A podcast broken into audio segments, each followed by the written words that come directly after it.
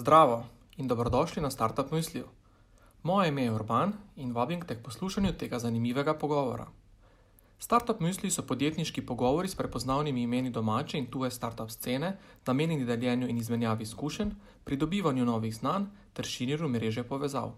Na tovarni podjemu jih že od leta 2012 organiziramo v okviru programa Startup Maribor. Pa začnimo. Ok, uh, dobro večer in dobrodošli. Alen, uh, hvala, da si danes z nami. Uh, zdaj, uh, lahko bi začel pač tako kot ne, slavni govorec, my next guest needs no introduction. Ampak bom vseeno začel z eno zanimivo anekdoto. Ne, mi do zavema smo se spoznala, ne, ko se skupaj še s Primožem, pa z Rokom, Primož, Luka in Žiga. Primož, Luka, Žiga, Mhm. ne, prišli uh, kot podjetniška ekipa na, kot interesanti za Imagine Cup tekmovanje. Mhm. Uh, to je bilo leta 2008-2009. Uh, za eno tako ful zanimivo idejo. Ne, to je uh, v bistvu bila ideja mešanica Foursquare. Uh, potem nekega endomonota oziroma nekega activity trackerja in kaj še bila neka tretja stvar zmiksana notri, Moje to nekako dobro piše. nekako to ne. Uh, ja. V bistvu je bila taki, uh, hoteli smo gamificirati, takrat je bilo popularno, da stvari gamificiraš z appom. Uh, ljudi, da se poslužujejo alternativnih mobilnih sredstev, da ne se vozijo z avtobusom, ampak grejo peš oziroma se vozijo s kolesom. In potem smo mi hoteli trekati v bistvu aktivnost uh, pasivno. Kaj se je v bistvu zgodilo, je tu, je, da se je pač takrat še ni bila ta tako, GPS, triangularna tehnologija razvita. Da, ko si v bistvu odprl app, si ga v bistvu porabil 15 minut, eh, celo baterijo. Ne? Teda ne- neke komercialne uspešnosti ni bilo. ne. Eh, To tehnologijo je potem ena ekipa, v, ki je dosti bolj uspešna, bila prodala eh, Google, pa Facebooku, pa Apple, pa vsem tem firmam, zato imamo vse to tehnologijo zdaj na voljo. Uh, zato dosti teh appov v zadju za Ameriko, v bistvu ti resnici delaš, ne, ne rabiš med aplikacije. Je pa bila zanimiva ideja, um, prišli smo ja, do vas, šli smo v London, celo skoraj skor dobili funding za to, zdaj ko gledam nazaj, ne vem kak.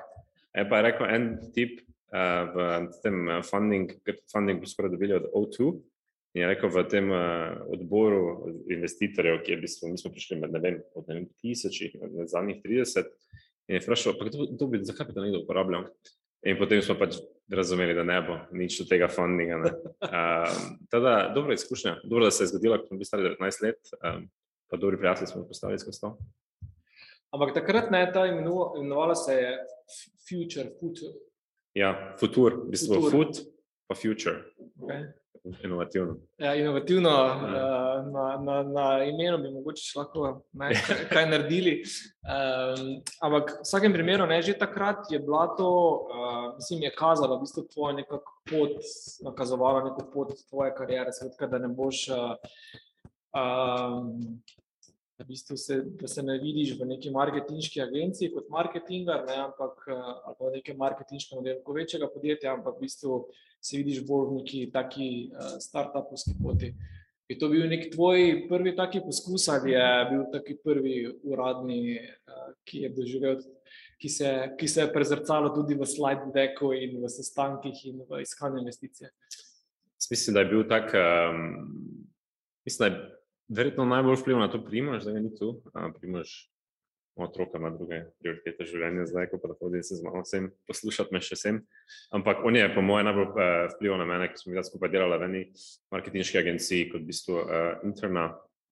Primož je pač super produktni mislec, uh, UX designer dela, uh, dela trenutno v eni ljubljanski agenciji. Ampak on me je najbolj v bistvu v to tako nekako zapeljal v, to, v produkte, v startupe. Mislim, da je bilo ravno to, da dosti agencij takrat se je ukvarjalo z nekimi digitalnimi rešitvami, če pa so v resnici vsi delali neke mini produkte. Um, kar pa meni nikoli nama, oziroma ni bilo najbolj jasno, zakaj pač ti produkti niso digitalni že v sami osnovi. Um, teda smo v bistvu dosti nekih idej imela z agencijami, pa dosti nekih tekmovanj smo se prijavljala skupaj, ki so bili neki v bistvu mini startupi za neko podjetje, ki je hotela digitalizirati nekaj. In skozi to smo pač naredila ogromno nekih proof of conceptov, eh, ki so bili kar zabavni. Uh, ampak ja, nikoli nismo dobili neke velike, nekega velikega, bom rekel, um, nagrade za to, ampak smo se pa skozi to dosti naučili. Um, mislim, vsi štirje smo se uh, v tem timu, vsi smo šli v London in vsi smo potem nekako stali v startupih. Uh, Luka še zdaj gori, ostal v Londonu, dela za, druge startupe. Ta, mislim, da je dobra pot bila. Je pa tudi bilo, drugi časi so bili, takrat ni bilo. Um, Če ni bilo dosti, 2008, 2009, tam do 2010, takrat je bila pač finančna kriza, gospodarska, dosti priložnosti. Jaz rekel, da dosti je bilo podjetništva iz sile razmer, sploh tu. Um, tudi se ljudi se pač odločilo za neko alternativno pot, ker ni bilo dosti alternativ. Um, tako da bom rekel, posledica nekega druženja z ljudmi, ki podobno mislijo kot jaz, inspiracije teh ljudi in potem priložnosti, ki pač pridejo. Kje ste se s Primošom spoznala? Skupaj smo študirali. Ja. Ja, in, in ta, in ta, tam, ta mindset iteracij, poskusov, zavrnitev, izboljšav, te v bistvu nikoli ni, uh, ni, ni, ni odvrnil od te v bistvu poti, na katero se spuščaš, ti bo to nekaj naravnega, ker v osnovi to ni nekak. Um, ne, najbolj pozitivna stvar. Ja.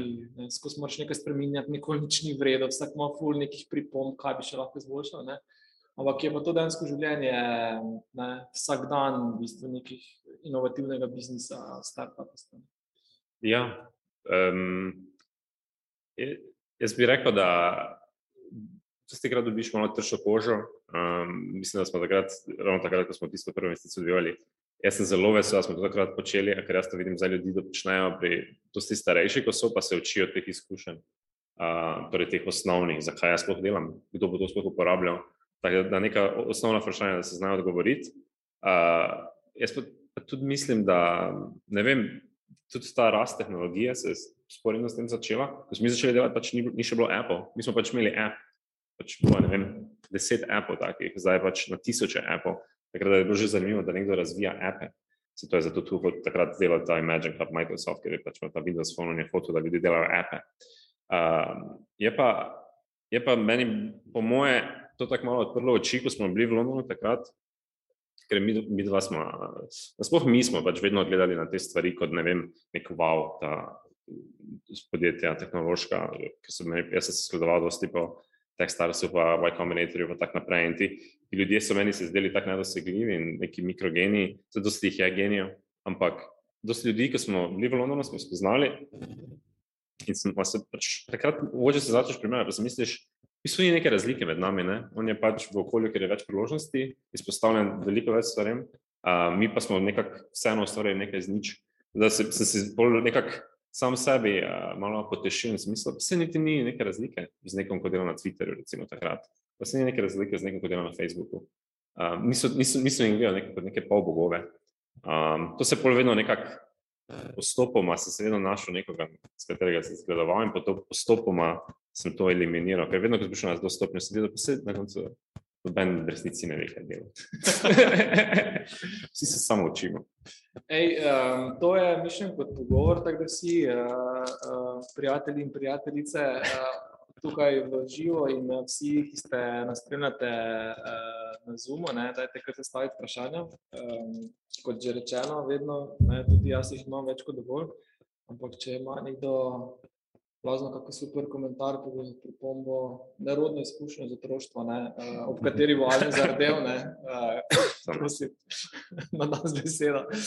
Okay. Tu si zdaj eno zanimivo misel, eno uh, istočnico, uh, da v bistvu te večje zgodbe, ki se dogajajo v seveda teh mekah, start-up podjetništva, London je evropska meka, ne, Same te zgodbe kot take in posamezniki, ki jih ustvarjajo, niso nič posebnega, ampak v bistvu okolje, v katerem so, ki je pač tako ultra um, bolj, bolj nasičeno za nekimi priložnostmi, je tisto, ki naredi iz neke zgodbe, poprečne zgodbe, pač neko nadpoprečno. Ja. Um, potem takem je v vsakem primeru priporočaš, uh, da se v neki meri pač ta nek business development del prestavi v, v neko to hiper okolje, ki, ki te, ki te v bistvu spravi na neko višjo orbitalo. mislim, to je bilo tako pred letom 2020, bi rekel, ja. Um, ampak še vedno se je zgodilo to, da so bili neki določeni lokalni network efekti temu, ne? da si pač bil obkoljen z ljudmi in potem si dobil ti večjo motivacijo in si gledal, da hočeš biti tako kot si ostali in odpiralo ti je ogromno možnosti. Se pa se po letu 2020 stvari kar spremenile. Jaz mislim, da dan danes bolj povezujemo interesno lahko preko interneta. Ne? Vsi ti investitorji zavlagajo tudi remote. Še vedno kar pomaga. No? Um, zdaj, če, če greš čistak z nule, razen če nisi ekspert na nekem področju, uh, pa da si se povezal v nekih spletnih skupnostih, na nekih Discordih ali pa na nekih chatih, na, da, da tam najdeš neki skupni interes, pa da skupaj s tem narediš, je, še, je, še, je, je še pa vedno kar pomembno. No? Um, to je kar na Twitterju dosti debat o tem, da še vedno kar pomembno, kje, kje je ta uh, tim lociran oziroma kje so vse founderji locirani na začetku. Je pa, ja, se pa to kar zabluralo. No? Se zdi, da je dan danes eh, to posod dogaja.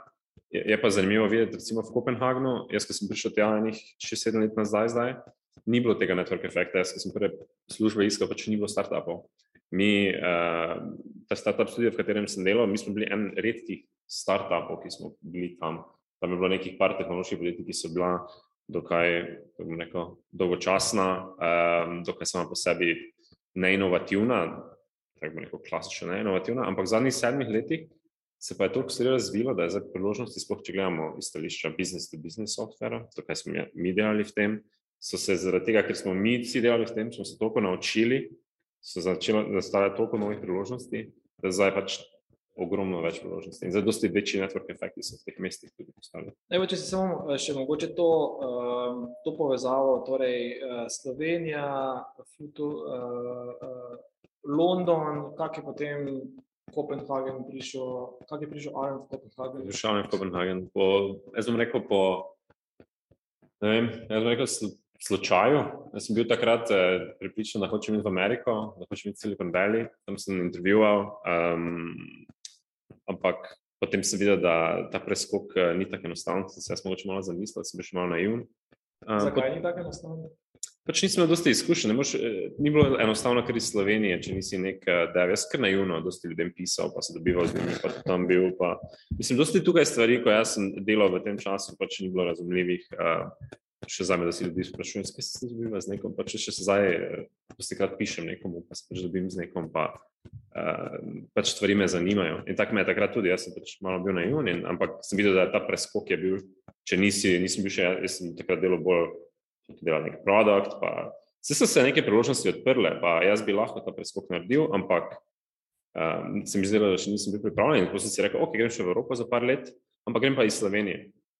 Um, potem je bil še punca takrat, uh, prišla na izmenjavo v Kopenhagen, pa sem rekel, okay, Kopenhagen je ok. Pol sem tako ste rekel, prej ni bilo služb v startupih v Kopenhagenu.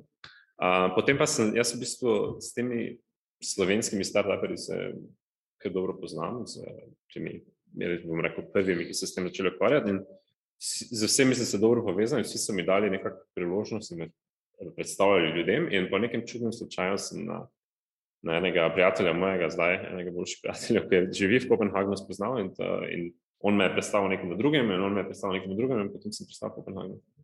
Tako da, hotel sem načrtno tja, nisem mogel priti, potem pa sem slučajno prišel tja. Čez šest mesecev. Ena, ena pomembna stvar, ki si omenil, uh, skupnost uh, in skupnost founderjev. Kdo, kdo so ti, recimo, ljudje, ki so ti um, na, na teh ključnih preskokih, pa povezavah, v bistvu najbolj pomagali? Pa kateri so te, vi ste na eni strani najbolj razočarani. Zdaj, jasno, ne pričakujem imen, ampak tak, mogoče kot tip, eh, ne, kot arhetip ljudi ali pa person, ne, ki, na katera zdaj pri takih kariernih preskokih ali pri takem napredovanju, kot si ga opisal. Se je dobro zaneslo, so se ti pač izkazali pozitivno, pa kdo, kak tip, mogoče se ti ni izkazal, če je sploh kaj.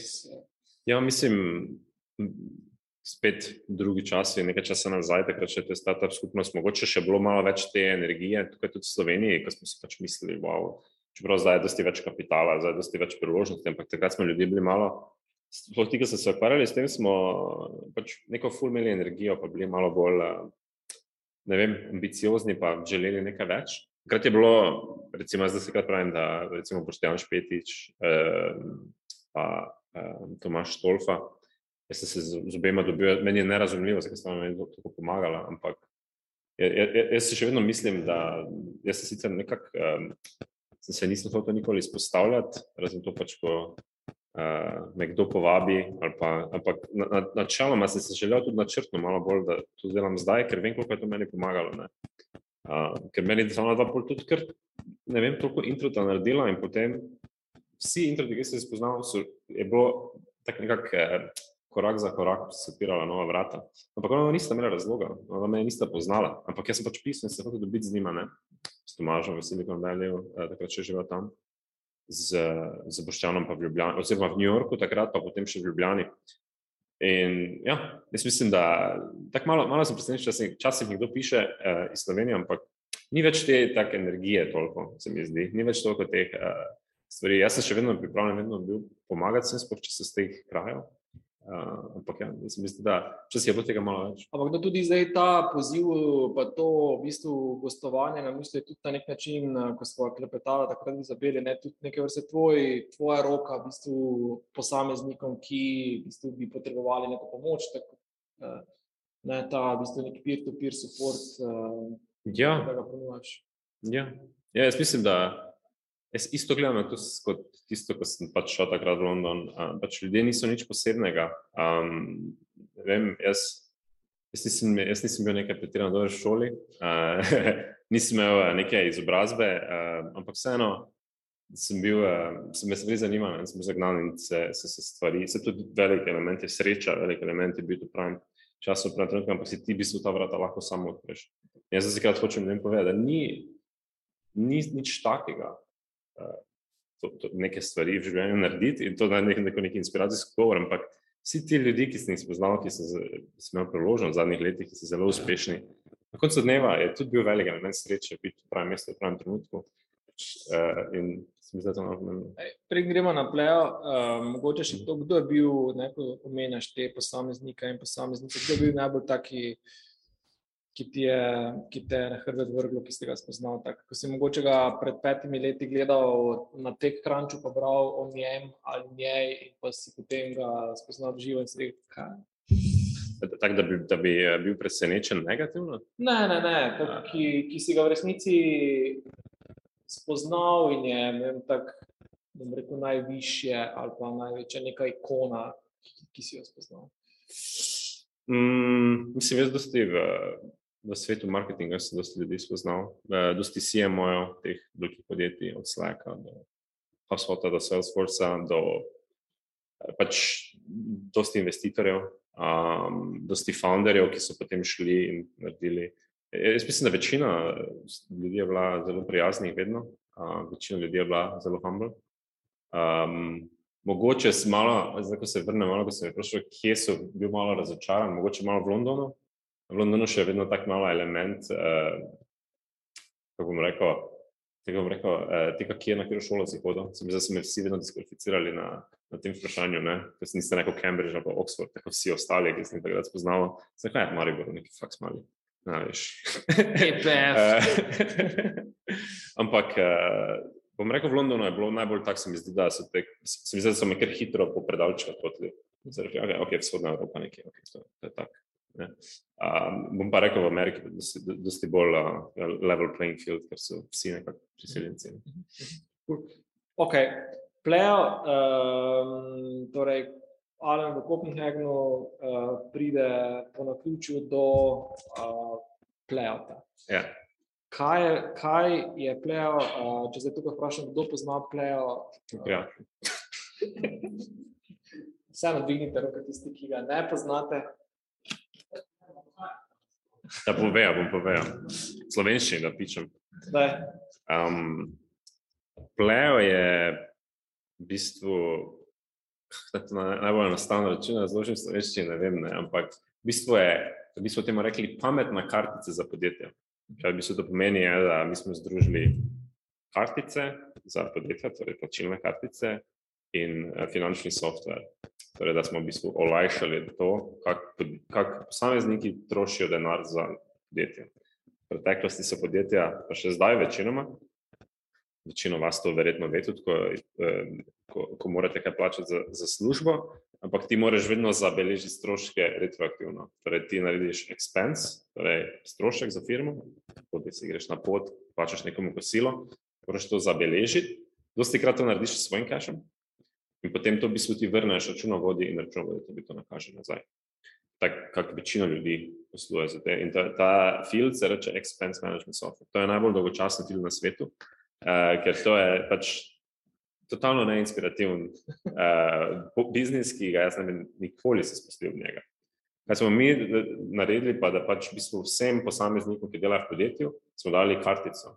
In to je v bistvu, kaj smo mi videli, to kartico je izraz um, tudi zaupanja, ampak drugi strani tudi racionalnega razmišljanja glede stroškov, ker smo mi lahko s to kartico v bistvu v, v real time videli, kam gre denar in po drugi strani vedno, ko se naredijo expense, se je to zabeležilo v računovodskem sistemu. Da, v bistvu smo malo obrnili na glavo. Ta se je pristop k temu, pristop k zaupanju zaposlenim, pristop k finančnikom, kako delajo finančniki. In zanimivo skozi leta, kako kak se je to spremenja, ta pristop k temu, ker jaz sem to, ko sem to pičil ljudem, kako si rekel, za vrnitve, da so pač ljudje se morali delati, kdo bo to uporabljal v financah. Jaz ti norda, jaz znam sem kar se, pa to še kako začeli trošiti. Vedno, nikoli, imeli smo 20 tisoč firm, nikoli nobena ni šla izpljati zato, ker bi nekdo potrošil preveč, kot naj bi smel. In to je zanimivo, ker pač ti imaš element um, tega, da veš, da vidiš lahko nekaj resničnega v real time. Ne. Je, koliko, imate, koliko, koliko imate danes, eh, ali na zadnje, ko si pač eh, vedel, ne, koliko ste imeli stran v Sloveniji? Nič, mi nismo poslovali v Sloveniji zaradi pač določene regulative, ampak vem, da zdaj se razširijo, zdaj se širijo v Avstrijo, pa mislim, da bojo naslednjih petih let provali v vse evropske države. Okay. Um, Ampak, bi si prvi zaposlen, ravno prvi, prvi yeah. ne, zaposlen na pletu. Um, kaj je bila takrat tvoja vloga uh, in kaj je bila v bistvu takrat nekako tvoj, tvoja dolgoročna zadolžitev, pa vizija znotraj plena? No, če začnemo na začetku. Jaz sem prvo delal za eno um, startup, en startup studio. Um, startup studio, kaj pomeni, je, da v bistvu so oni imeli idejo, da bodo oni ustvarjali podjetje. Um, reče se Founders, zelo inovativno, ker en startup tudi obstaja v Parizu, ki se reče eFounders, uh, ki dela enako, ampak veliko bolj uspešno. Kar bi se oni želeli, je, da um, v bistvu najdejo dobre operatorje, torej ljudi, ki imajo izkušnje v določeni industriji in pač z njimi razvijajo skupaj software, s tem, da imajo oni tudi tim, torej oni so imeli resurse, development, design, in pa lahko ti ta tim uporabiš, plus oni dajo kapital, vzamejo malo večji delež in pa ti pomagajo ta produkt ustvariti. Uh, jaz sem bil prišel tja v, v Founders delati kot en izmed teh ljudi, ki je bil v timu treh, ki so pomagali tem podjetjem, v katere je Founders v bistvu ustvaril. Um, uh, smo pomagali pač pri marketingu in marketing takrat v teh malih podjetjih, to so večinoma business-to-business podjetja, ki delajo software za podjetja, oziroma marketplaces so takrat bili popularni. In mi smo pač pomagali različnim firmam um, priti do prvih strank. To je bilo tisto, smo pač, da smo jih pripravili za to, da oni lahko dobijo investicijo, da lahko rezajo eksterno kapital. Torej, Founders je bil tisti prvi kapital, prvi MVP produkt in jaz sem to pomagal.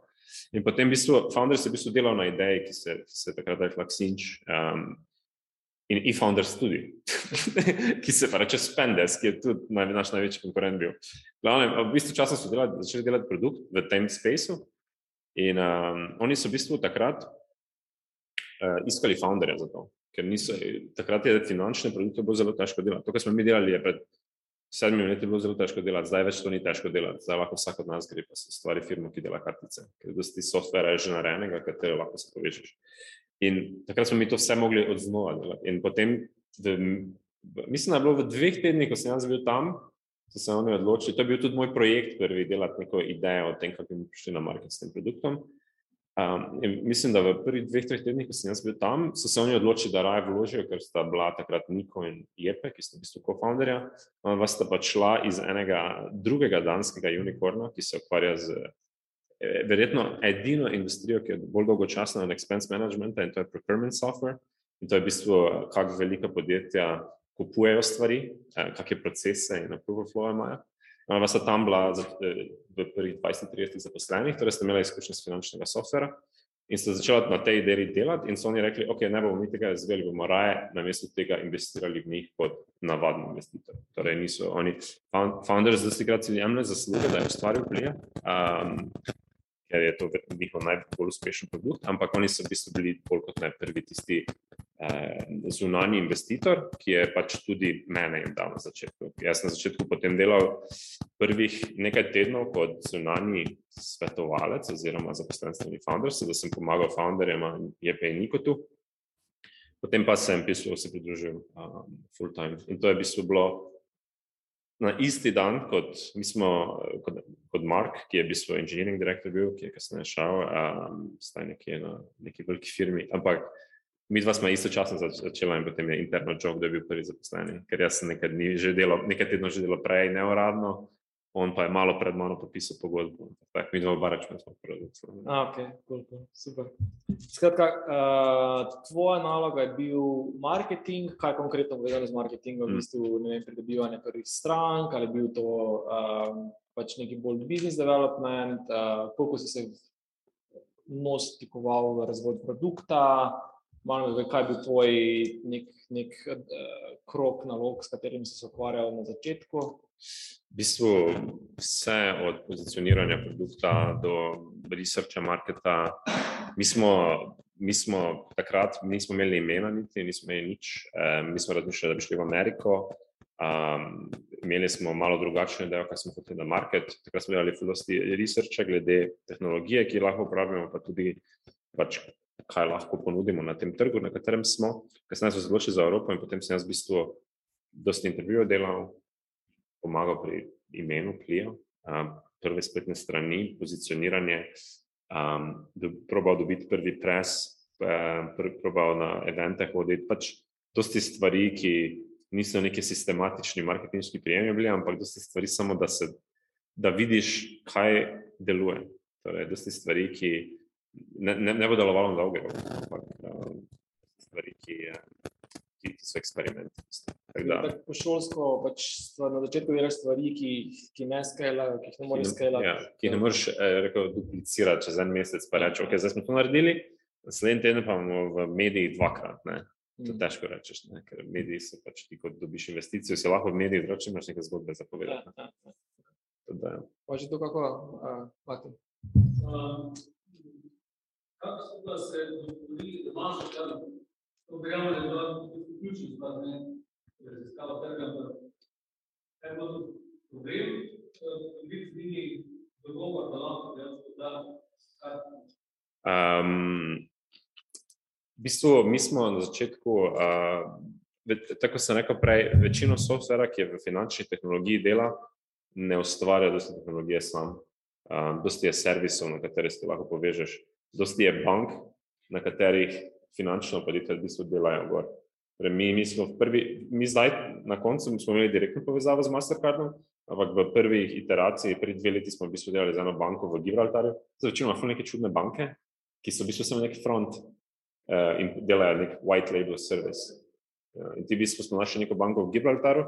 Smešno je bilo, ker mi smo bili kasneje, ne vem, čez dve leti smo bili mi trikrat večji kot ta banka. Ne? eh, oni so v bistvu poganjali toliko ozadje, da smo mi v bistvu zamenjali, potem pa sami začeli direktno povezati z Mastercardom delati. Ampak to je bila ena banka, eh, sas, kak se je rekla, ampak ja, dosti je teh, če, če, če malo pogledaš, uh, terms and conditions, je dosti krat nekaj v teh finančnih tehnologijah, neka banka, ali v Estoniji, ali v Gibraltarju, ali v Ameriki, v Utah, vedno so neke male banke, ki so se pač osredotočili na to, da bodo pač nudile infrastrukturo. Da oni so držali to uh, povezavo z Mastercardom, mi pa smo mogli v bistvu na podlagi neke njihove povezave, tudi naš marketing, ni, nismo mogli kar vsega delati, ker je vse moglo iti skozi approval flow njih. Torej, vse, kar smo mi hoteli napisati, pa pokazati Mastercard simbol, ker so oni držali to licenco, je moglo iti skozi njih in se nas moglo dobiti. In to je časi trajalo po sedem dni, da smo recimo lahko nek banner dali, na koncu več nismo gledali, ker smo postali preveč pomembni, ker smo, smo vedeli, da nas ne bojo zamenjali več.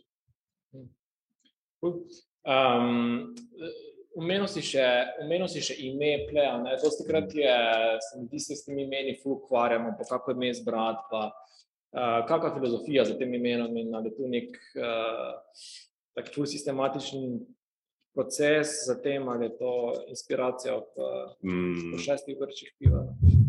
mislim, da je trajalo kar dolgo. Prvo je bil Pagobox, um, ful pa v Dropboxu, ki je bil takrat Dropbox popularen. Pago je pomenilo plačilo uh, v italijanščini. Um, teda nekaj časa smo imeli to ime, pa mi ni bilo všeč. Pa smo šli skozi nek, ja, skozi nek proces. Imeli smo tak Sinč, ki je hujše ime.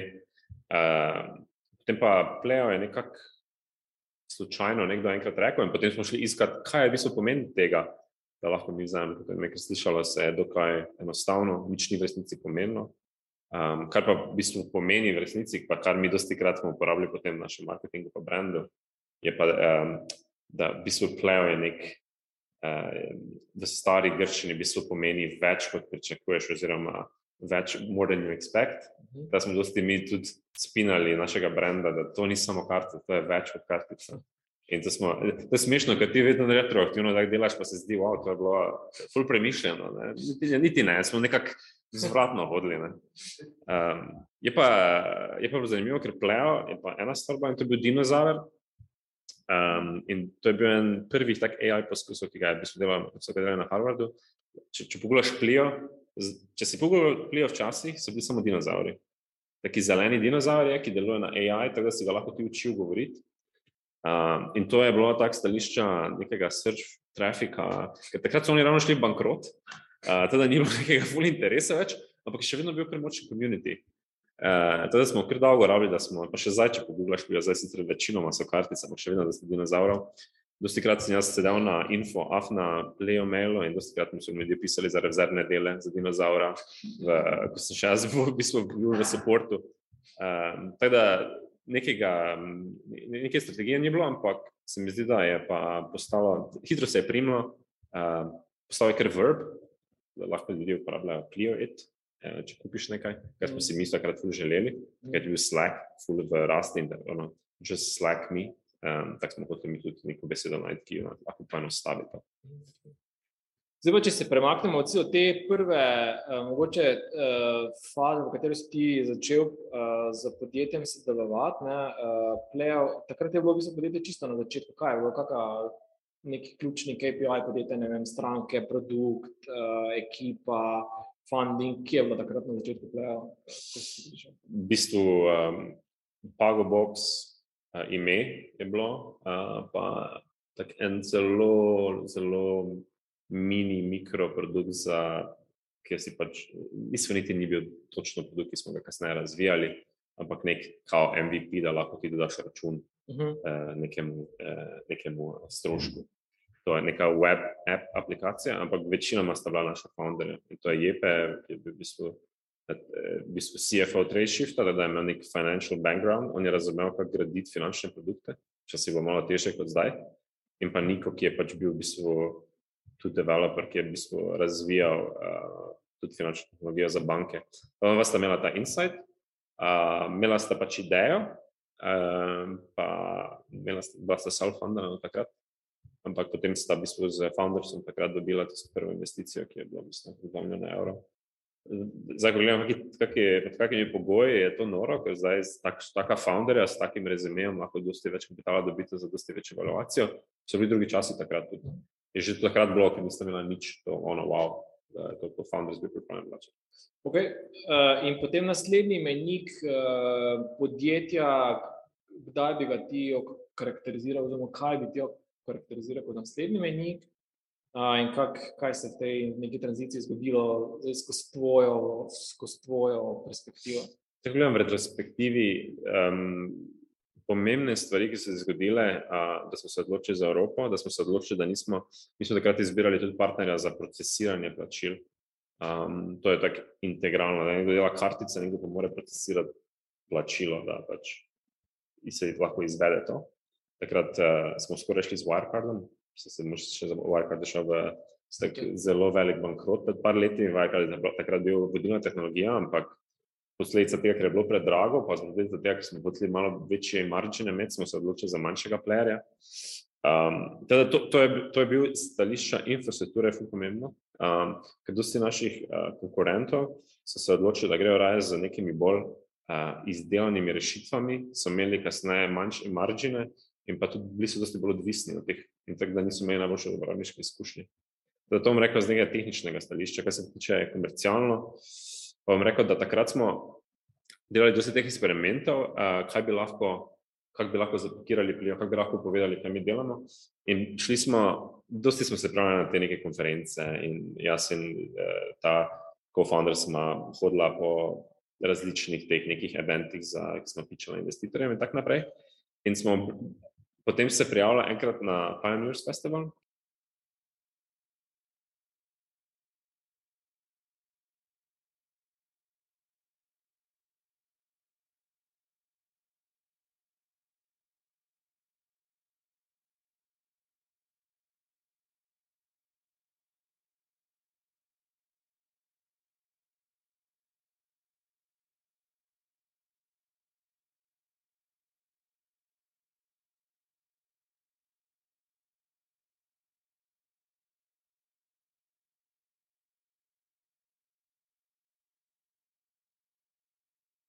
Jaz sem ta videl dek, ki ga je ta CEO naredil in potem celo noč nisem spal, dokler nisem tega popravil, ker je bil eh, zelo dober dek, ampak zelo grd. In jaz sem pač ga, celo, celo nedelja je bila, nisem cel, cel dan in celo noč sem delal, da bom šel v ponedeljek zjutraj uh, to pičat. In potem smo, hvala Bogu, ta dek imeli lepo spiljen, ker je on potem šel na glavni oder to predstavljati. In ko smo šli na glavni oder to predstavljati, to je bil taki nek vanity, ono, oh, nek startup of the year. Uh, neko tako nagrado smo dobili, ampak takrat so bili malo drugačni časi, takrat se je to nekaj več pomenilo. In takrat smo v bistvu na tem glavnem modru zmagali, tudi ne? naš CEO je ful dober, ful dobro piče. Uh, Kjerega leta bilo to? To je bilo točno 2016. Ja. 2016. In takrat, ali 2017, glavnem, takrat smo dobili ta Startup of the Year Award in takrat je bilo v žiri kar nekaj dobrih visijev, tam smo spoznali našega visija, ki je bil Kreandum, ki je investiral potem v nas takoj zatem. Dobili smo, pa, najbolj pomembno pa so dobili to neko validacijo, da to, kaj delamo, je to to. In dobili smo, ne vem, to je bilo tisoče, tisoče sign-upov. Prvo smo bili v vseh medijih na Danskem pod neka, wow, to, da to bo zajedno. In potem smo skozi to, v bistvu samo tako, v bistvu, uh, nekako surfali, potem rajdali ta wave, samo izkoriščali medije, koliko se je dalo na Danskem. Mi smo našega CEO tako profil na Danskem naredili, da je on bil na soočenih za premjera. Ne. On je postal taka ikona podjetništva, recimo na Danskem. E, in pa to je vse nekako iz tega prišlo, ker smo takrat ta profil dobro izkoristili, pa ker je on zelo, rekel, zelo tak prototip mladega entreprenera, pa mm. dober govorec. Mm. Um, ampak to je bil recimo neka validacija, ki je bila eksterna nekega komercialnega vidika, ki nam je dodatni cash prinesla. In to je bil tisti pol nekak eh, validacija. Jaz se spomnim, da smo dobili, smo neki taki ček veliki dobili, mislim, napisala za pol milijona evrov od Speed Invest. Od Speed Invest, ja. ja. In mi se nikoli nismo videli s Speed Investom. Mi tega čeka nikoli nismo naučili. Ker naš, naš CEO je rekel, meni je to čudno, da jaz dobim investicijo na neki nagradni igri. In ni odpisal, nikoli nisi nazaj. Ne. In jaz s tem čekom tako potoval in bolj smo dobili to nagrado in smo rekli, ok, zdaj pa res moramo to zbildati. To ti produkt, kaj si misli, če pa samo ideja. Ne. E, oziroma je ravno v razvoju. Pa tudi ček smo pol uporabljali v pisarni večinoma, ker nismo imeli rolet, pa smo ga tako imeli, da, da smo blokirali sonce. Je pa bilo zanimivo, anekdota takrat je bilo za pol milijona evra ček in je bilo v medijih. Imeli smo pa ene prvih primerov naših, je bil iz Ferskih otokov, ker so tudi zelo mali. In to je bila prva novica dneva v Ferskih otokih, da je en programer iz Ferskih otokov dobil ček za pomen. Ki ga bolj na koncu nismo naučili. Ki ga nismo nikoli naučili, ampak uh, on je postal neka kultna osebnost tam na Ferskih otokih. Uh, no, razgoda, evo. Uh, ste imeli, je bila ta validacija na Pioneers, v bistvu preden ste imeli validacijo čisto tak po startupovsko, ne, tako imenovani produkt market fit, skratka, da s pomočjo prvih zgodnjih uporabnikov validirate produkt. Je ta neka zunanja medijska validacija prišla pred produkt market fitom, um, kak bi, zdaj ko poznaš v bistvu pomen produkt market fita, je kdaj ste ga dosegli pred ali, ali po izvedika čisto produkta, poslovnega modela? Jaz mislim, da um, mi smo delali dosti intervjujev, takrat že na intervjujih smo videli, da je nekaj na tem. Um, in mi smo zato razvijali to, ker smo pač globoko verjeli v to, druga stvar pa pač, to je zelo lukrativen poslovni model. kako Plio dela cash, je na dva načina. Da, en, en način je, da ti plačuješ mesečno naročnino uh, za vsako kartico, druga stvar pa, da mi potegnemo tran, od transakcije 1,7%, oziroma takrat je bilo 1,25%. Torej, mi v bistvu samo sedimo in gledamo, kako cash hodi noter in kako se kartice uporabljajo. To, je, to so se mi zdi, zdaj, ko smo skapirali v zadnjih treh letih, tudi investitorji, zato ta segment teh startupov pač raste v Ameriki, pa sploh, ker je ta transakcijski fi še dosti večji, to je interchange fee. Tako da rekel bom, da je bila zelo dober poslovni model sestavljen, zelo inovativen pristop k temu celemu problemu reševanja z finančnega vidika, ker, ker je pač imeli dva founderja, ki sta razumela ta aspekt. Um, Pol pa tretja stvar, bom rekel, da to nam pa je dalo neko eksterno validacijo v smislu, da ja, lahko smo dali to ven in točno vedeli smo, kako funkcionirati stvari. Ko smo začeli govoriti o plijetu na način, na katerega govorimo še zdaj, uh, še oni govorijo zdaj, nam rekel, še smo govorili. A tudi jasno, se privatno pogovarjamo. Okay. Zdaj, Pioneer Festival, ne vem, 16 pa 17, kaj pa potem naslednji menik? Ja, Pioneer Festival 16, uh, 16 potem pa glave dol, pa razvijanje. Um, potem pa smo imeli en manjši event v Kopenhagenu, ki se reče Tech Barbecue, ki je postal zdaj zelo ogromen event. In takrat smo nekako, ne vem, kako sem se jaz to uspel zmeniti in kako smo se z tem um, co-founderjem odločili, da bo to naš launch na Danskem, ker mi smo samo na, na Danskem launchali. Imeli smo ogromno sign-upov, um, ki so že čakali na ta produkt in smo rekli, ok, zdaj pa zdamo datum, takrat moramo launchati. In smo rekli, ok, dajmo ta narediti, da vsi ljudje, ki pridejo tam, to so večino bili CEO-ji, start-upi različni, pa tudi večjih podjetij, smo rekli, vsi, vsi, mi bomo launchali tam, dajte nam kao na glavnem odru priložnost, da lahko to povemo, pičamo, imeli smo štand in smo rekli, vsi, ki prijejo do nas, dobijo kartico, pa dobijo na kartici 5 evrov, da lahko sprobajo. In takrat smo onboardali 200 prvih podjetij, imeli pa smo takrat v backlogu, takrat samo tam še 200 zraven, nismo zmanjkali na kartici.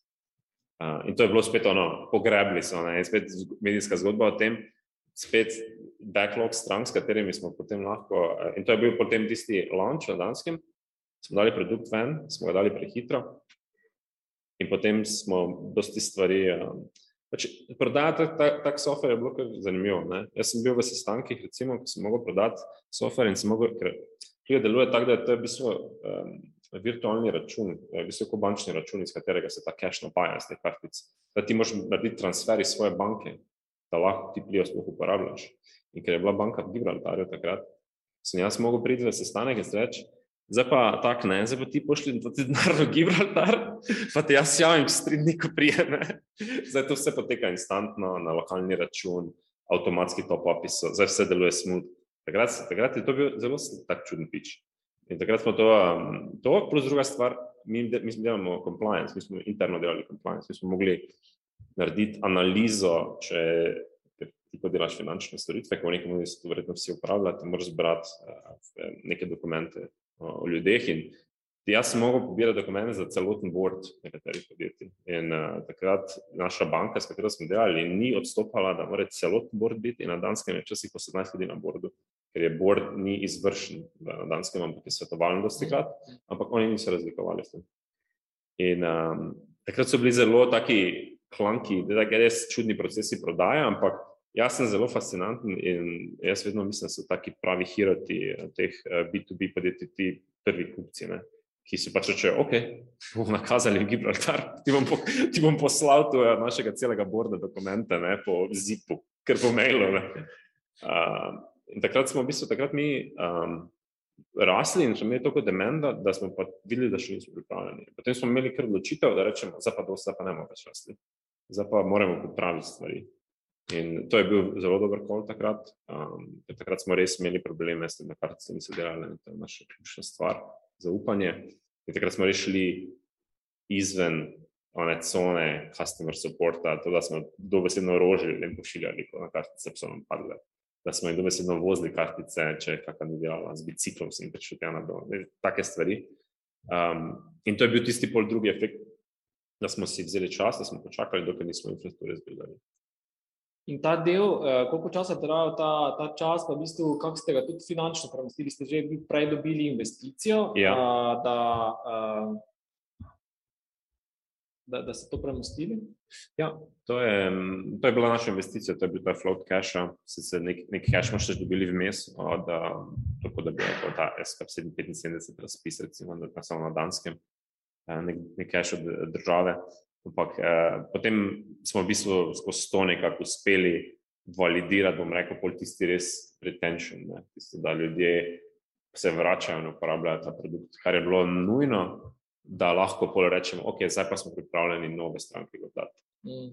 Eh, In pol lahko rečemo, da naslednjega milestone je prišlo tu, ko smo začeli najti pristop, kako lahko dostopamo do novih strank na profitabilen način in da se to lahko skalamo. In to je za nas bilo, pač so bili oglasi na Facebooku. In to je bilo totalno nerazumljivo takrat, ker noben business to business software ni delal oglasov na Facebooku. To je bilo tako, no, jaz sem se jim razlagal, "Mi- na Facebooku pa to ne mogoče. Kaj, kaj bo nekdo kupil to na Facebooku? Moj argument je vedno bil, "Saj so vsi na Facebooku, takrat so še vsi bili na Facebooku. To isto, nikoli nisem razumel tega, no, malo mi je bolj neracionalno. Okay, recimo, tvoja naloga je bilo takrat, uh, pa tvoj kot izziv je bilo v bistvu uh, najti profitabilen način pridobivanja novih strank. Recimo, ne? Takrat, ko ste imeli produkt porihtan, zdaj pa v bistvu. Uh, ne, in zdaj, med katerimi alternativami ste se takrat odločili, oziroma kaj ste se testirali, in zakaj je ja, res ta čudna odločitev, da v bistvu je Facebook uh, na koncu tisti ta pravi kanal? Ja, um, rekel bom, dosti smo probali. Ne? Jaz sem potem imel tak z, z šefom, se spomnim, mi je takrat rekel, ja, ti moraš dobiti sedem lidov. Mi smo imeli, naša teorija je bila, da bomo mi prodali preko prodaje, da bomo klicali ljudi pa prodajali. To je bila ona klasična, najbolj prediktivna metoda, tako dobivaš stranke. Da rečeš, da imamo malo boljšo kartico. Ne? Na Danskem se to dejansko da, na Danskem ta model še, še vedno. Uh, da, tudi v Ameriki se da, v, v Angliji in v nekaterih državah je kar težje, sploh če si v segmentu, ki ni dovolj profitabilen, da lahko to počneš. Um, kaj, kaj, kaj bi rekel takrat, recimo, je bilo zanimivo, um, ko smo pač dosti stvari hoteli probavati, da mi je takrat šef rekel, ja, ti moraš dobiti sedem novih lidov na teden. In jaz sem takrat za Švico, ne. To je bilo meni, uf, kako bom zdaj s to. Plijo je zdaj dobival, preden sem jaz, je bilo po 300 na dan, novih podjetij se je prijavilo na Plijo. Tak, tak, razlika skala, da je bilo sedem na teden. In jaz sem pač vse naredil, da teh sedem dobim. Jaz nisem imel, eden moj šef nikoli meni, um, mislim, to zato, z, tako odnos, ki sem ga jaz pač dobil z, z Jepem, pač nikoli meni ni rekel, kaj bi on rad delal. On je imel vedno ideje, pa sem se njemu vedno rekel ne. Um, pol pa sem jaz pač delal, kaj sem jaz hotel. In jaz sem pač bil dosti inspiracije, se z, z ogromno ljudmi dobival, ogromno vsemi, kaj se je hoče dobiti z mano, da vem, kaj delate vi, bomo mi probali.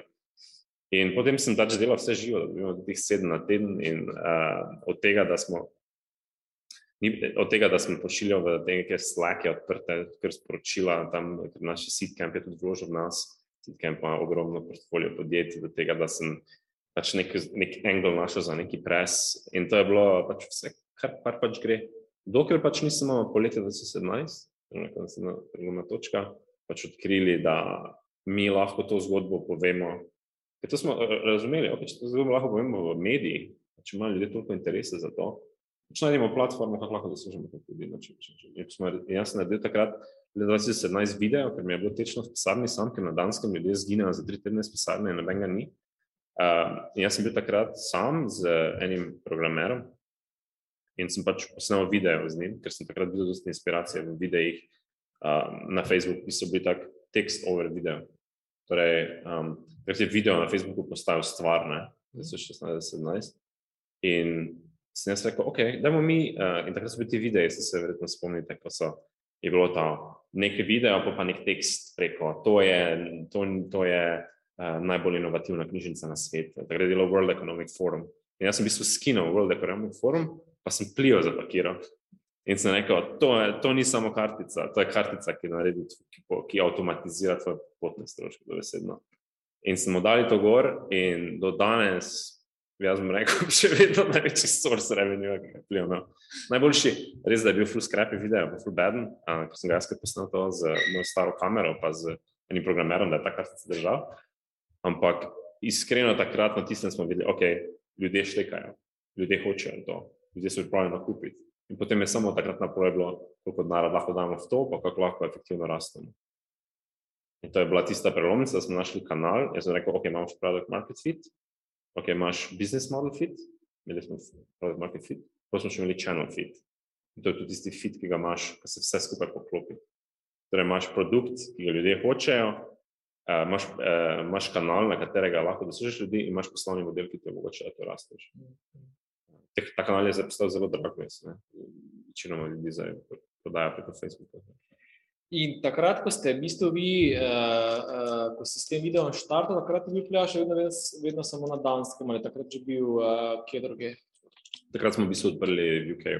Um, in takrat smo bili v bistvu full overtiming ujeli v UK, ko smo z eno konkurenco skupaj začeli in oni očitno niso razumeli, kako pozicionirati svoj produkt. Uh, ker smo tako na feature parity, smo bili za tri podjetja, smo enako časno začeli. Smo bili zelo podobni, ampak mi smo pač izbrali pristop k temu, da. Jaz sem rekel, da je to tudi malo sreča, da jaz pač, mi, ko smo delali marketing, v prodaji, nikoli nismo vedeli, kaj je expense management. Jaz nisem vedel, kaj je to, iskreno. In mi je bilo pač nelogično, da uporabljam terminologijo, uh, ki pač pripada k, temu, k tej industriji. Mi smo pač razlagali o teh stvarih, tako kot so pač so.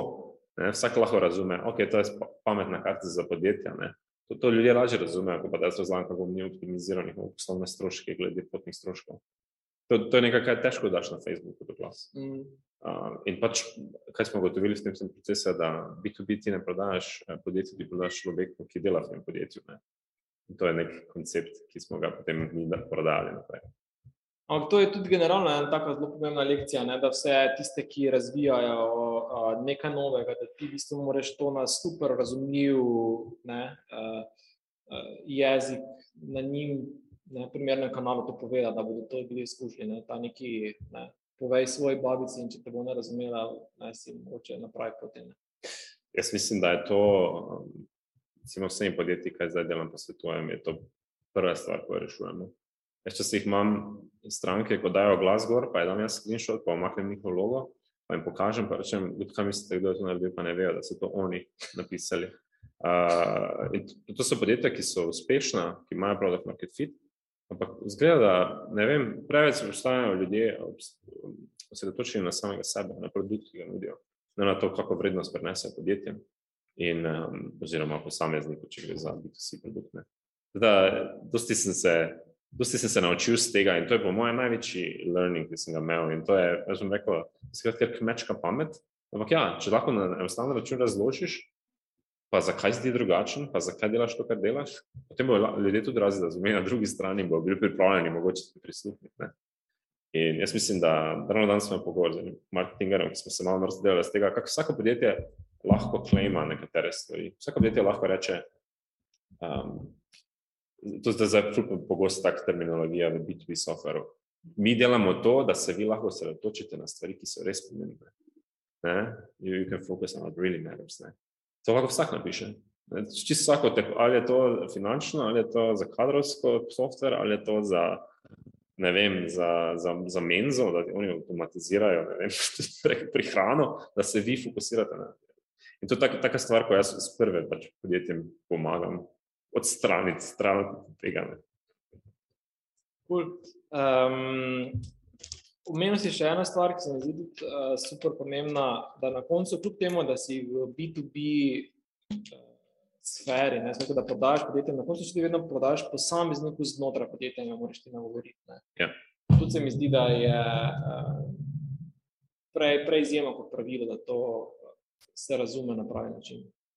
Ja, to smo bili v bistvu um, v konceptu oglaševanja sploh če oglašuješ na socialnih medijih, pa tudi, bom rekel, na vsakem massive media uh, kanalu, smo mi razvili tak nek, eh, bom rekel, zelo enostaven princip. In to B2B, v bistvu pomeni benefits to Bob. Torej, kak je benefit Bobu, ki je človek na drugi strani. In pol imaš, če pogledaš še bolj, pa moraš to v bistvu v dveh sekundah. Dvojka pomeni, v dveh sekundah mora poštekati ta benefit. Da, ti, da, da bismo tako smo vse, vsi oglasi, vse spletne strani, smo gledali skozi prizmo tega. Bo človek to razumel, na drugi strani, kaj delamo. Smo se osredotočili na en benefit, smo se osredotočili na človeka na drugi strani. Teda, to sploh, če prodajaš software za podjetja, drugo je, za, jaz nikoli nisem se osredotočil z nekim enterprise softwareom, kot ti delaš nek, optimiziraš nek proces znotraj ne vem, nekega funkciona. Uh, to so večinoma softveri, ki lahko, recimo, Plio lahko uporablja vsako podjetje, to je horizontalna tehnologija. Ne? Vsako podjetje troši cache. Uh, vsako malo podjetje lahko naredi to odločitev, da zamenja rešitev. V velikih podjetjih je to ne mogoče narediti za nek produkt, ki bo optimiziral ne vem, nekaj za 15%. No, zdaj, zdaj, ko smo se pa, ko si, ko si ravno navezano na zamenjavo uh, načina obdelave nekega procesa ali pa se mi zdi, da je, so ti onboarding, stroški onboardinga ali pa stroški zamenjave ponudnika za neki delček procesa ena velika prepreka, ki preprečuje v bistvu, večje stopnje širitve in adaptacije eh, nekih novosti v podjetjih. Ne? Ja. Ker to običajno je izgovor, ne? ali za CRM, ali za ogromno rešitev, ne so ti onboarding in switching costs, so ful se mi zdi. Kako ste vi to? To bariero nekako prešli, premagali, izbrisali, prikazali drugače, mogoče malo na to temo vstopnih pre, pre, preprek v podjetjih. Jaz mislim, da je večinoma, da prodajaš podjetjem, večinoma ti ljudje ne zaupajo, pa večinoma ljudje si mislijo, da to bo zdaj trajalo tako dolgo. Um, pa zakaj bi mi to uporabljali točno? Um, da, mislim, da je na marketingu, da pač probate stvari pač razložiti, zakaj od, od, odgovoriti na ta vsa vprašanja. Um, kar se tiče, so pa tudi neki, recimo, glede um, adaptacije oziroma adoptiona softvera, nekaj, ki to v slovenščini točno beseda, ampak uh, to so ti stvari, so blizu manj dejavniki tudi, na kateri so se pač mi naslonili. Torej, v porastu je takrat, če gledaš zadnji desetlet, že uh, je, je v porastu recimo v finančni tehnologiji, da se dosti seli v cloud tukaj še vedno, verjetno, dosti laufa na nekih softverih, ki so inštalirani. V Nemčiji še vedno, smo nam delali integracijo, so rekli, čakajte, da nam pošljemo CD, pa so nam dva tedna pošiljali CD, da so nam lahko mi naložili to na naš softver, njihov da, date. Um, ampak vsi ti uh, produkti so večino šli na cloud, vsi ti cloud softveri imajo API, torej v bistvu imajo možnost, da se lahko povežeš podatke oziroma lahko izmenjuješ podatke med softveri. In mi smo dosti mogli delati na tem. Ne. To je bilo recimo z produktnega stališča, bila neka ta, kako bom rekel, milestone je to, ko smo naredili integracije z eh, vodilnimi eh, računovodskimi sistemi, ki delujejo v cloudu. To je recimo Ciro v UK, to smo bili prvi, eh, ekonomik na danskem, eh, na švedskem. Jaz se spomnim, da smo na švedskem launčali mi brez integracije in jaz sem enem dnevu 17 ljudi je prišlo na našo skupnost, ker smo imeli pač ECE iste ece, smo pač prevedli na šeščino in 17 ljudi se naštevali.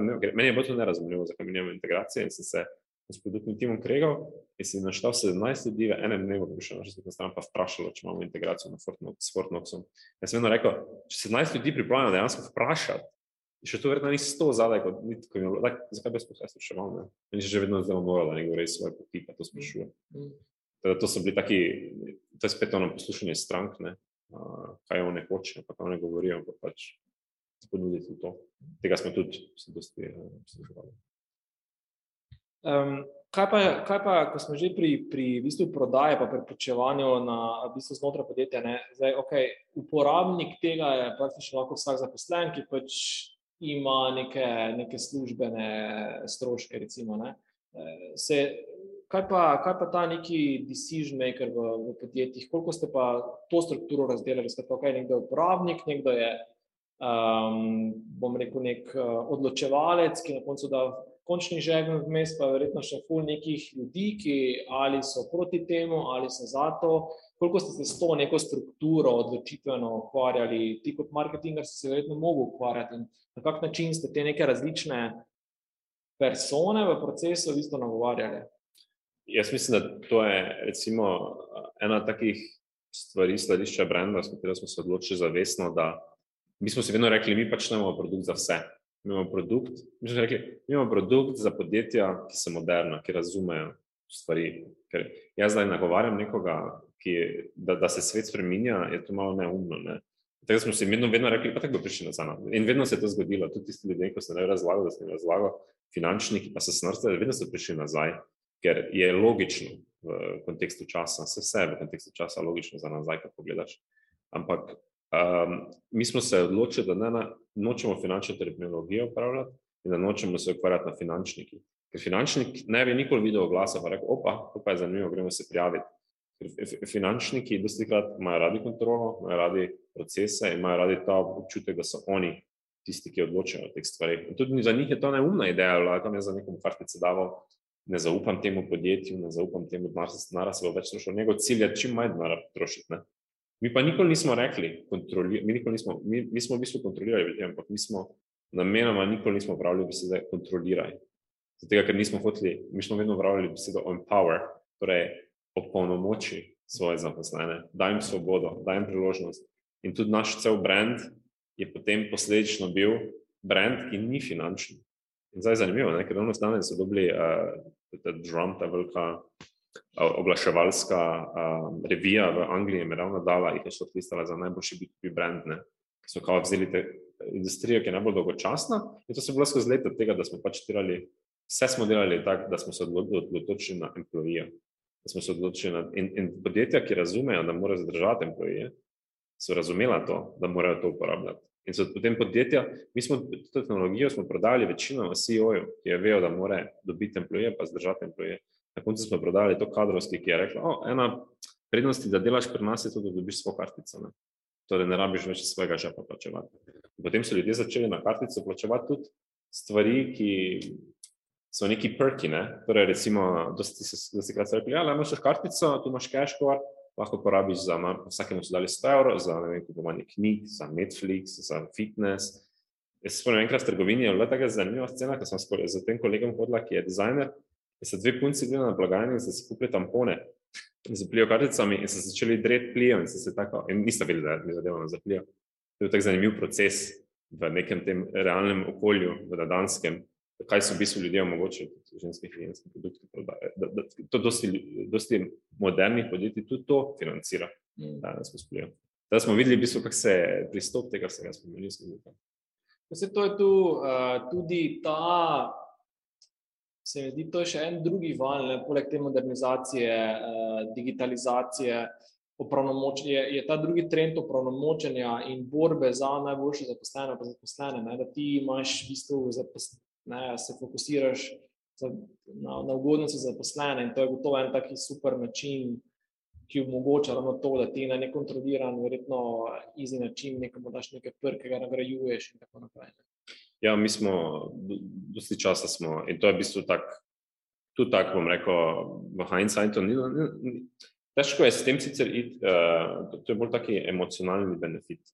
Tega, tega ti ne moreš napisati. Na, to, to ni tangible benefit, ko nekdo da slika račun pa avtomatizira. To je tisto, kar ljudje pritegne, tisti nek osnovni tangible benefit, pa če razumejo cel koncept, kako smo mi pozicionirani kot brand, pa je ta nek emocionalni benefit, s katerim smo pač kasneje ko si ti začel uporabljati produkt, si to razumel. Mhm. Mi smo malo naredili napako, vmes, ker smo šli z brandom kar na nos, pa smo rekli, ok, zdaj pa samo employee kažemo. Se pa ne ve, kaj delaš. Ne? In potem smo spet imeli tisto, kar sem prej rekel, uh, uporabljaš terminologijo, ki jo vsak lahko vzame tebi, da, da razložiš, kaj delaš. In ti, ko hočeš pozornost od nekoga, ti težko, težko narediš. Mm. Ko se pa imaš njihovo pozornost, pa oni rečejo, ok, povem za svojo zgodbo, potem je malo drugače. Um, potem smo malo bolj subtilno začeli to uporabljati. Recimo, če gledaš, če še logo, zgleda kot smiley, barve so pinki, niso tako korporativno modre. Vsa naša fotografija je uporabljena na način, da smo vedno hoteli kazati avtentičnost. Uh, mi smo kot podjetje, vedno, uh, to je v employee brandingu, pa nasploh, smo vedno kazali, da smo ljudje ozadaj. Um, tako da, če gledaš videe, pa to vedno ljudje govorijo. Uh, tudi naš CEO, vedno on ima povdin. Tu smo res naredili tako stopnico. In ker gledaš vsa finančna podjetja, zgleda, kot da nima ljudi. Meni je vedno dobro prikoniti, jaz ne vem, kdo, to, kdo tam dela, zakaj jaz zaupam njemu. Um, Tako so potem nekako posledično tak neki element tega brenda, ki niso bili tam povezani na ta acquisition, ampak so posledično vplivali. Ampak tudi to, ta, ta branding, identiteto, vse to si ti so ustvarjali aktivno. Koliko, koliko, uh, koliko imaš ti, koliko so tvoji prsti, prstni vtisi v tem brandingu, smerih teh uh, uh, izraznem sloganu in vsem tem uh, zraven. Jaz mislim, da dosti stvari na neki tangible ravni, torej da se zna pozicionirati na začetku, je bilo pač delo tega, da dosti iteracij, na, kot ti daš glasa na Facebook, hitro vidiš, kaj kdo klikne, kaj ljudje odreagirajo, kako sem v prodajnem procesu, kaj rečem, kaj ljudje hočejo. Uh, je pa pač prišlo do neke faze, takrat, ko smo mi rasli kot uh, marketinški tim, da pač smo rekli, ok, ne moremo samo se s tem ukvarjati, dajmo delati na brendu. Sicer se ful sliši slabo, ne, ker to se sliši, ker znamo so fudnara porabili. Ampak smo, sem jaz se dosti časa porabil, da najdem človeka, ki za mene je brand dostikrat eksekucija, pa perfektnost, ne, uh, ki je bil obseden s tem, da vse stvari izgledajo koherentno, da izgledamo resno kot podjetje, da imamo dober stil, da izgledamo večji, kot da so resnici smo. Da to so bile moje neke stvari. In ko sem iskal, takrat smo imeli res dosti priložnosti, da zaposlimo tudi tako velike profile, uh, ampak so našli enega kolega Luka, ki je v bistvu, zdaj v bistvu vodja brenda. In on je, in ko sem njega zaposlil, smo tudi našo agencijo, v bistvu Koto, ki je delal v bistvu Airbnb rebrand, ki smo rezali, mislim, na Series B in smo rekli, ni važno, koliko stane, hočemo imeti najboljši brand. In smo delali s, tem, s to agencijo Koto. Da smo imeli srečo, ker ta agencija Koto, je, ta founder je v bistvu delal rebranding Airbnb-a in ta James je osebno si vzel to kot projekt, zato ker ima takšna že bila ideja in je on delal z nami osebno. Ne. To je velika agencija, smo 106 ljudi. Ampak on je hodil v Kopenhagen tedensko in smo se z njim dobivali. In to je bil taki proces, v katerem smo pač bili zelo intenzivno, intervjuvali stranke, intervjuvali nekaj mind mapi in tako naprej. Zanimiv proces, tudi, ampak takrat smo tudi vedeli, da smo vzeli najboljše. In takrat smo rekli, okay, da bi bilo slabo, da bi ne. Ne. Ker smo šli na dosti sestankov. Uh, Martin, si imel vprašanje? In še kdo drug, seveda, če bo kdo kako.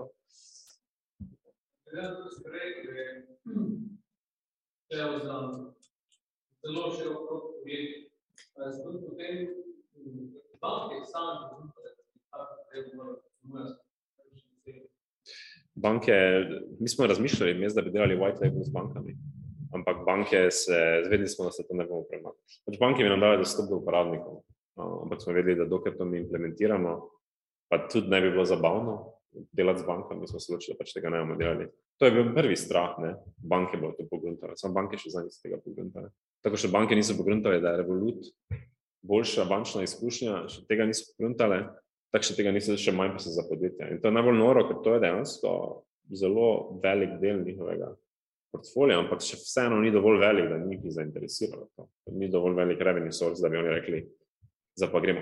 Ko, jaz mislim, da tu pri teh stvarih je tako, ko bo prepozno, pa bojo ugotovili in potem bo začeli kupovati manjše podjetje, ki jim lahko omogoča to digitalizacijo. Mene zdaj tiče na znove, torej ne, se premakne na neki paket, ko bo 4 evra cenejše, mm. in tukaj ne lahko govori, kaj je to zelo različne stvari, da se peze reče in nekaj ne plačuje, to je nekaj, to nekaj, kako da misli, da razume, ne čisto, Ja, vse verjamem, ampak mislim, da pa je taka banka, rekel rečem, da je nekaj, ki pa je bolj, recimo, inovativni, pa da je... Ja, se Revolut. Revolut pa 26, pa taki so, ja, take banke. Blender. Vaš konkurent, ki bi ga prišli prej novo. Ja, mislim, oni so imeli vse usere. Se mi v bistvu smo top-up na banko, ne? Se se Revolut tudi top-up na banko. Pol pa so rekli, ok, zakaj bi mi mogli biti, to bomo kar IBAN dali eh, bomo pač mi banka. In to je bilo pač, jaz ne vem, zakaj so banke to pustile, uh, ampak pač jaz razumem, ko pač vidim strukture ljudi v banko. Kako bodo banke sploh razumele regulacijo, kako bodo banke razumele kripto. Pač tudi najboljši ljudje ne grejo delati na banko več. Najboljši ljudje pač vidijo, da je dovolj cache. Zdaj je itak več cache, da če delaš na revolutu, kot če delaš na banki. In pol je tako malo joke, da te delaš na banki dan danes. Uh, Blender? Saj je vse fino fajn, da je treba povedati, da vsak, ki je vedno se držal v finančni industriji, ve, da je to poloče področje, da je finančna industrija pasja, da je cel globalni, zavarovalni svet naprej. In mene bolj kot pač vse na to bolj zanima kriza, ne. Ta pa je taka kriza, ki se tukaj pojavlja, pojavlja kolapsa, je payment provider, slučajno kontrolo, partnerja. To, to so stvari, pač vsakič smo propada, ja. Ja, pa vedno si, uh, vedno si odvisno toliko partnerjev. Ne? Nisi, nisi, to, ko smo mi bildali na tej infrastrukturi, mi smo dosti infrastrukture sami izbildali. Ne? Da smo imeli srečo. Da, da bi šli z Wirecardom takrat, pa pol, ko smo gledali to konkurenco, kaj mogli reševati z Wirecardom, oni so v bistvu mogli vse kartice zamenjati. Mi smo imeli takrat v obtoku 120 tisoč kartic. Ne?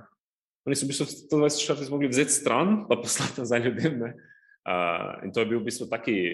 Mi smo, to, mi smo recarding naredili tudi sami, ko smo menjali providerje. Rekel bom, največji eh, risk, največja krizna situacija bila takrat, ko nam je ta payment procesor eh, padal dol konstantno in pač kartice niso delale po pol dneva. To, pač, to, to, to so take ključne stvari, to je v bistvu tvoj core produkt. Ne? In da si ti nekje na poti in da ti kartica ne dela, pa moraš kupiti nekaj za firmo, ali pa je veliki expense, ali pa da recimo dobiš neki račun s Facebooka, da moraš plačati oglase, pa te nekaj izklopijo. Težko je to biti uh, reševati z softverom, z customer supportom. Customer support samo lahko govori, vi počakajte malo, bo rešujemo zdaj to. Recimo Blender dela, no, verjetno. v svojih časih.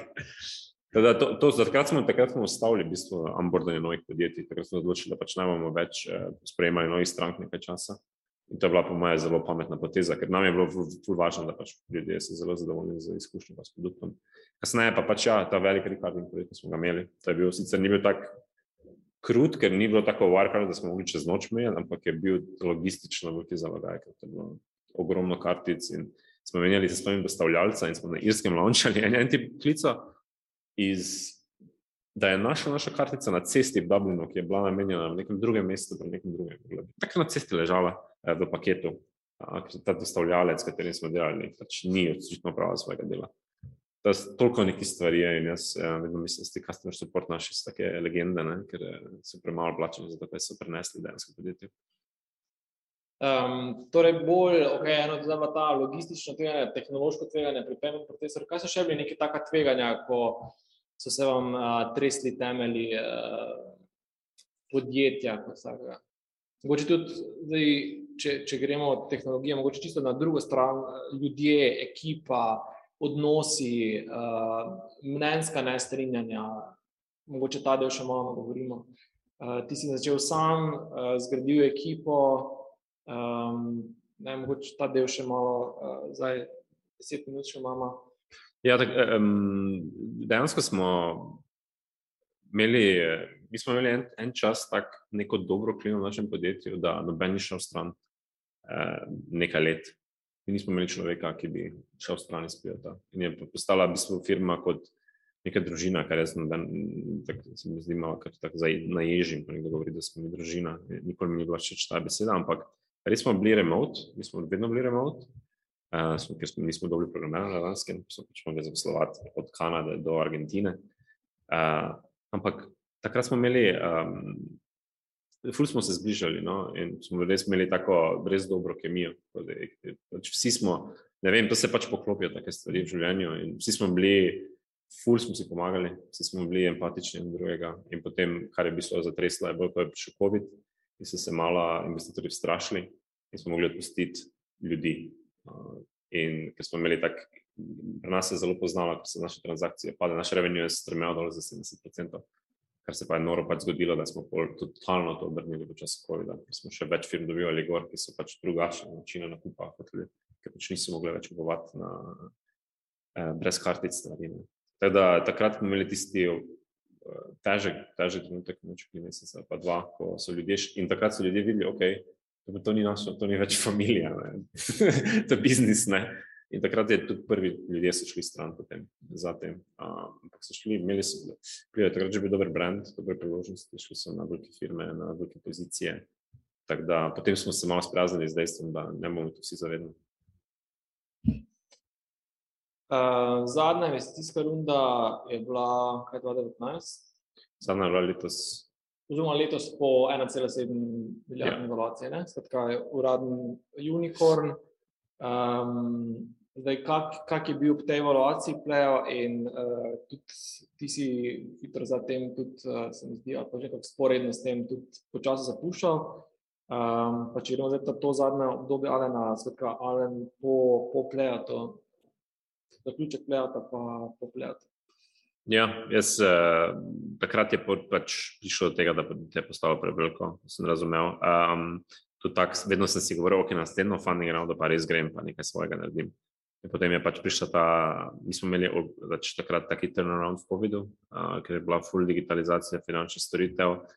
Mislim, transakcije so nam rasle, kljub temu, da ljud, naš največji port transakcij so bila včasih uh, biznis potovanja. Brez tega smo presegali vse številke in smo rekli, še to dodamo, ko se odprejo stvari, potem bo to samo tako šlo gor.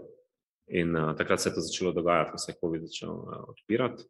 In takrat so pač vsi investitorji drveli. Ne? In eh, hkrati smo pač ustanovili nek eh, tak de facto lider v tem, v tem spaceu, ki je postal ogromen v Ameriki tudi zdaj, ki so kasneje prišli za nami 3-4 leta. So pokapirali, kako dober biznis je to, tam, tam je par firm postalo ogromnih, in dosti teh ameriških investitorjev je postalo lačno in reklo, okay, kdo bo v Evropi zmagovalec. Je bilo pač jasno, da, da, da težko tako drug, ker smo mi imeli na, da je že šest marketov takrat. In takrat smo pač, ja, jaz sem bil takrat v še s tem diligence procesu, sem še bil tam in uh, potem sem se odločil, da ja, bistvo, jaz sem vedel to, da, da smo dve investicije dobili, pa, pa smo announcali, pa sem se dodal, da sem šel stran, ampak to se sporedno dogajalo. In uh, ja, to, je, to je bil v bistvu tak dober zaključek tej zgodbi, uh, kaj od nič, to, to take evaluacije, jaz sem to malo tako zapakiral, tudi valjda nek personal branding okrog tega. Na Danskem sem dobil dosti interesa, dosti popraševanja bilo za delo, ampak sem se odločil, da ne bom se pridružil nobenemu podjetju, ampak sem delal kot eh, pač svetujem tem podjetjem um, in pa pač hkrati malo investiram, če je kako podjetje zanimivo, um, hkrati pa pač delam na neki svoj produkt. Okay, torej, um, svetuješ, investiraš in delaš na svojem produktu, um, o katerih o kateri stvari lahko malo več poveš. Torej, komu, komu svetuješ na katerih področjih, kaj mislim, da smo danes že ne, dobili približno idejo o tem, ampak kaj so tvoji, tak, kaj je tvoj idealni svetovanec. Uh, Mora biti iz finteha, uh, ali v kateri fazi mora biti, tako mogoče malo več, da se bo kdo prepoznal, uh, komu ja. lahko najbolj pomagaš, največ doprineseš pri nekem premiku. Ja, um, večinoma večinoma ljudje iščejo pomoč pri growthu, ker to so ljudi zdaj ogromne investicije in potem imajo neko idejo, da imajo produkt market fit, ne vejo pa točno, kako bi zrasli, ampak imajo pa neko indikacijo, da nekaj dobro deluje tam, imajo nek produkt. In jaz večinoma delam s podjetji, ki imajo zdaj neko finančno zaledje, torej nek Series A, Series B, dobijo investicijo od investitorja in potem hočejo nek rast. In jaz jim pomagam, kako strukturirati tim, kako se pozicionirati na marketu. To je lahko včasih čisto tako, da se CEO-jem dobivam, pa pa če se tega delam pač s timom, pa pač delamo o tem, kako delati boljše, kak delati boljše outbound e-maile, kako delati boljše oglase. Kak... Eh, včasih je tako, da se točno to, kar jaz delam, včasih pa je tako, da se mislim, da pa sem res preveč delal. Uh, ampak se tudi malo odmikamo od tega, ker je pri nekaterih bilo malo preveč intenzitiv, intenzivnosti.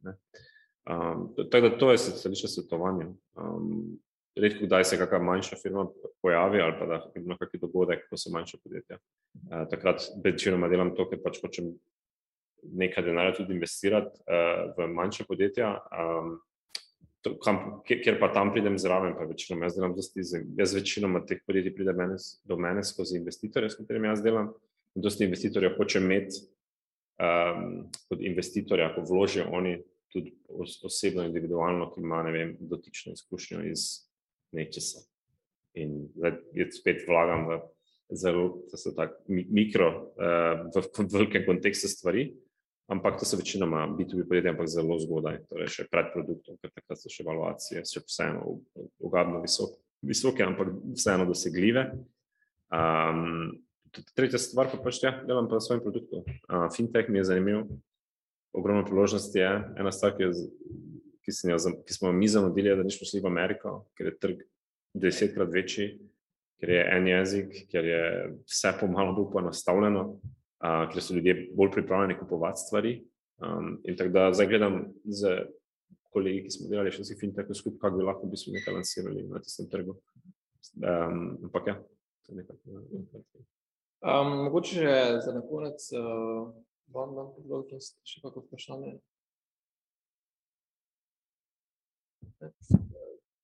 Imam še eno vprašanje. Uh, produkt market, prej si omenil, ne, svetovanje podjetjem, ki so v bistvu v rasti ali pa so dobili A, B rundo, pa mislijo, da imajo produkt marketing, pa v resnici nimajo. Uh, Vsega imajo, so, so dobili investicije, to je validacija, bila investicija, ampak nimajo pač tek, tega kanala, na katerem bi rastela. Te neke mašinerije, te neke. Ja. Dej, kje, kje je največkrat ta razkorak ali pa ta prepad med tem, ali pa neki manjko, da nekdo ima v bistvu produkt ali pa storitev, ki ga je naredil, ki ga torej kupec prepozna kot vrednega, kaj manjka, da to postane ta v bistvu mašina za delanje denarja. Kateri element je to, je to kanal, je to messaging, je to um, ne vem, cenovna politika, poslovni del. Kaj, kaj manjka največkrat po tvojem uh, mnenju? Mogoče eno ali dve stvari izpostaviš, pa kaj so neki, neka taka hitra zdravila. Um, mislim, da dober kot je nekaj na Twitterju bil, da kao prvi, kot ti prvi, prvi founderji, uh, ki ustvarjajo prvič podjetje, večinoma razmišljajo samo o produktu, tisti, ki pa ustvarjajo podjetje že drugič ali pa tretjič, pa razmišljajo o distribuciji. Eh, podjetja, ki, ki zmagajo, so tista, ki že razmišljajo o distribuciji od prvega dneva, ko so pripravljena vzeti nek kompromis v tem, da bodo nekaj prodali, cene, da bodo nekaj monetizirali kasneje. Revolucija, da je primer. Uh, jaz mislim, da to, to je recimo tak, en taki learning, ki sem ga prebral, da dosti ljudi se pač preveč osredotočajo na svoj produkt in svoj biznis. Uh, ne razmišljajo dovolj o tem, nimajo hipoteze o tem, kako bo rasti. In to je težko. Uh, kar, pa, kar pa vidim, da pomaga najbolj, pa razložiti ljudem, da ni nekih uh, skrivnih poti. Ne. Jaz zdaj krat pridem tja, pa nekaj, ni nekega recepta. Pač moraš delati, ti kot podjetje lahko rasteš na tri načine. V bistvu lahko rasteš, mislim, če si biti podjetje, lahko rasteš na dobe se na tri načine. In če si ti pripravljen ne dobro delati te tri stvari, jaz ni drugega. Eh, Kje so ti tri načine? Če, ma, če gledaš čista liša, lahko če, si, za, za, če si delaš, nisi B2B, še mogoče en kanal, ampak lahko delaš oglase, lahko delaš email marketing, torej prodajo, lahko delaš neko viralnost, torej da je produkt se, je boljši, ko uporablja z nekom drugim. In to so v bistvu tako neke te tri stvari. Četrta stvar pa je nek ta word of mouth, ki ga lahko mogoče neko podjetje ustvari v B2C svetu, da je neka ta stickiness, da je produkt boljši kot nekom drugim.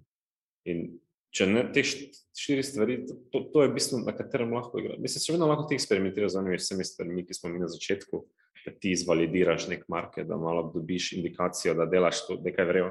Ampak če hočeš res rast, pa moraš najti en kanal, um, na katerem boš lahko rastel. In tako se reče, pač, da, da boš našel lahko rahlo profitabilno. Torej, da boš izračunal, ok, recimo zdaj je problem, ker zdaj se je toliko snara. Recimo, 70% vsega cache, ki se reza v Ameriki, gre na Facebook, Google pa Amazon. Torej, cel cache se akumulira v eno smer, kar se zgodi, je, da pač vsi produkti, vse oglaševanje postane ekstremno drago. Kar se zgodi, posledično je, da večina ljudi ne more več oglaševati, ker jim finančno se ne izide, ker njihov pač inflacija. Ne klasično na, na, na oglaševanju. Ampak to je tak nek uh, proces, ki se je zdaj zgodil in zdaj, kera podjetja so tista, ki bo lahko učinkovito oglaševala. In zdaj vsi iščejo podjetja, ok, iščejo podjetja, ki imajo bolj viralnost v B2B, torej razni slaki, razni produkti, ki se uporabljajo, da lahko eno uporabljajo, da lahko drugega. Mm. In to se mi zdi, da se tudi dogaja, da ste B2B, to so podjetja, ki, ki lahko rastejo učinkovito brez uh, glasov. In kaj so še neki alternativni kanali, recimo poleg okay, te nekih viralnosti, ki je mogoče tudi Dropbox, konec koncev se mi zdi, doktoriral ne tiste mm. na začetku. Ne? Um, Slack se omenil, ne, uh, ta neka viralnost. Kaj so še neki drugi kanali, ki so zdaj postajajo, ki jih ti vidiš kot alternativne oglaševanju, uh, Google, Facebook, pa mogoče Amazon, kaj, kje vidiš ti neke alternative, ker to res postaja brutalno drama. Ja. Jaz mislim, da, dosti, uh, da je full hype, da govoriš, da, da, da si ustvaril komunity, da naredi prvo komunity, pol naredi produkt. Da torej ustvariš neko zanimanje za produkt, oziroma engageš neke userje na začetku, da pol lahko lažje prodaš produkt, imaš neko zaupanje in pol v bistvu skozi komunity rasteš. To je tak en pristop, ki je zdaj dokaj zanimiv. Um, druga stvar pa je pač biti zelo inovativen z poslovnim modelom, um, inovirati tam ali pa inovirati na produktu tako, da je ta produkt pač boljši. Na koncu dneva um, pač najboljši produkt pa zmaga. na koncu dneva lahko, ti, lahko najdeš ti nek growth hack, pa arbitražo, ampak bodo hitro skopirali vsi to. To ti ne bo dolgoročno, da ne znaš uspeti. Dropbox ni zaradi growth hacka uspel, mislim, oni so to optimizirali, ta proces, ampak zato, ker je bolj produkt dejansko tako deluje in so pač našli način, da lahko tako raste, ampak Dropbox je pač dober produkt v tistem času, da začni. Pač jaz ne vem, kdo še Dropbox uporablja. Na koncu, če zaključimo, ne, naj pogovor drug. Na koncu je še vedno v bistvu najpomembnejši, ali pa ne, torej produkt je tisti, ki prepriča pa v bistvu fokus na distribuciji, mogoče od vsega začetka je tisto, kar ti bo omogočalo v drugem in tretjem koraku, da dosežeš neko, neko rast. Še mogoče kakšen koli na svet, ki bi ga rad za konec predal uh, ne, kolegom, kolegicam, prijateljem, ki gradijo ne, neke večje, večje Mm. zgodbe pa produkte. Je, je, dobro si rekel, ne, jaz mislim, da na tisto prvo, da ja, komponiraj distribucijo v produkt, če lahko spraviš produkt s tem, da to razmišljaš, to je najboljše. Kaj pa lahko rečem, eh, pač delajte stvari, ne, ni več tistega zanimanja za startupe, ko sem jaz začel delati. Meni pa se zdi, da pač svet pač ogromno, ne, a, priložnosti je pač ogromno, zdaj imamo pač internet, lahko tudi v lahko tudi tu zdaj naredimo velike firme, ne, če se pač prave stvari poklopijo. Je pa tudi pač element sreče, pa pač element egzekucije, ampak meni se zdi, da je pač trenutno ogromno do dobra priložnost, da pač probam delati stvari. Trg je postaja nasičen, ampak trg se tudi širi. Vse več ljudi ima dostop, vse več ljudi postaja digitaliziranih. Naša generacija postaja tista, ki recimo v biznis, v biznis kontekstu kupuje produkte. Prodajamo več nekaj imaginarnega, prodajamo nam. Mm. Tako so se tudi navade spremenile in tako je priložnost. da- Ali tu staš še tukaj v Mariboru, kaš na Dansko? Ja. Kaj za to?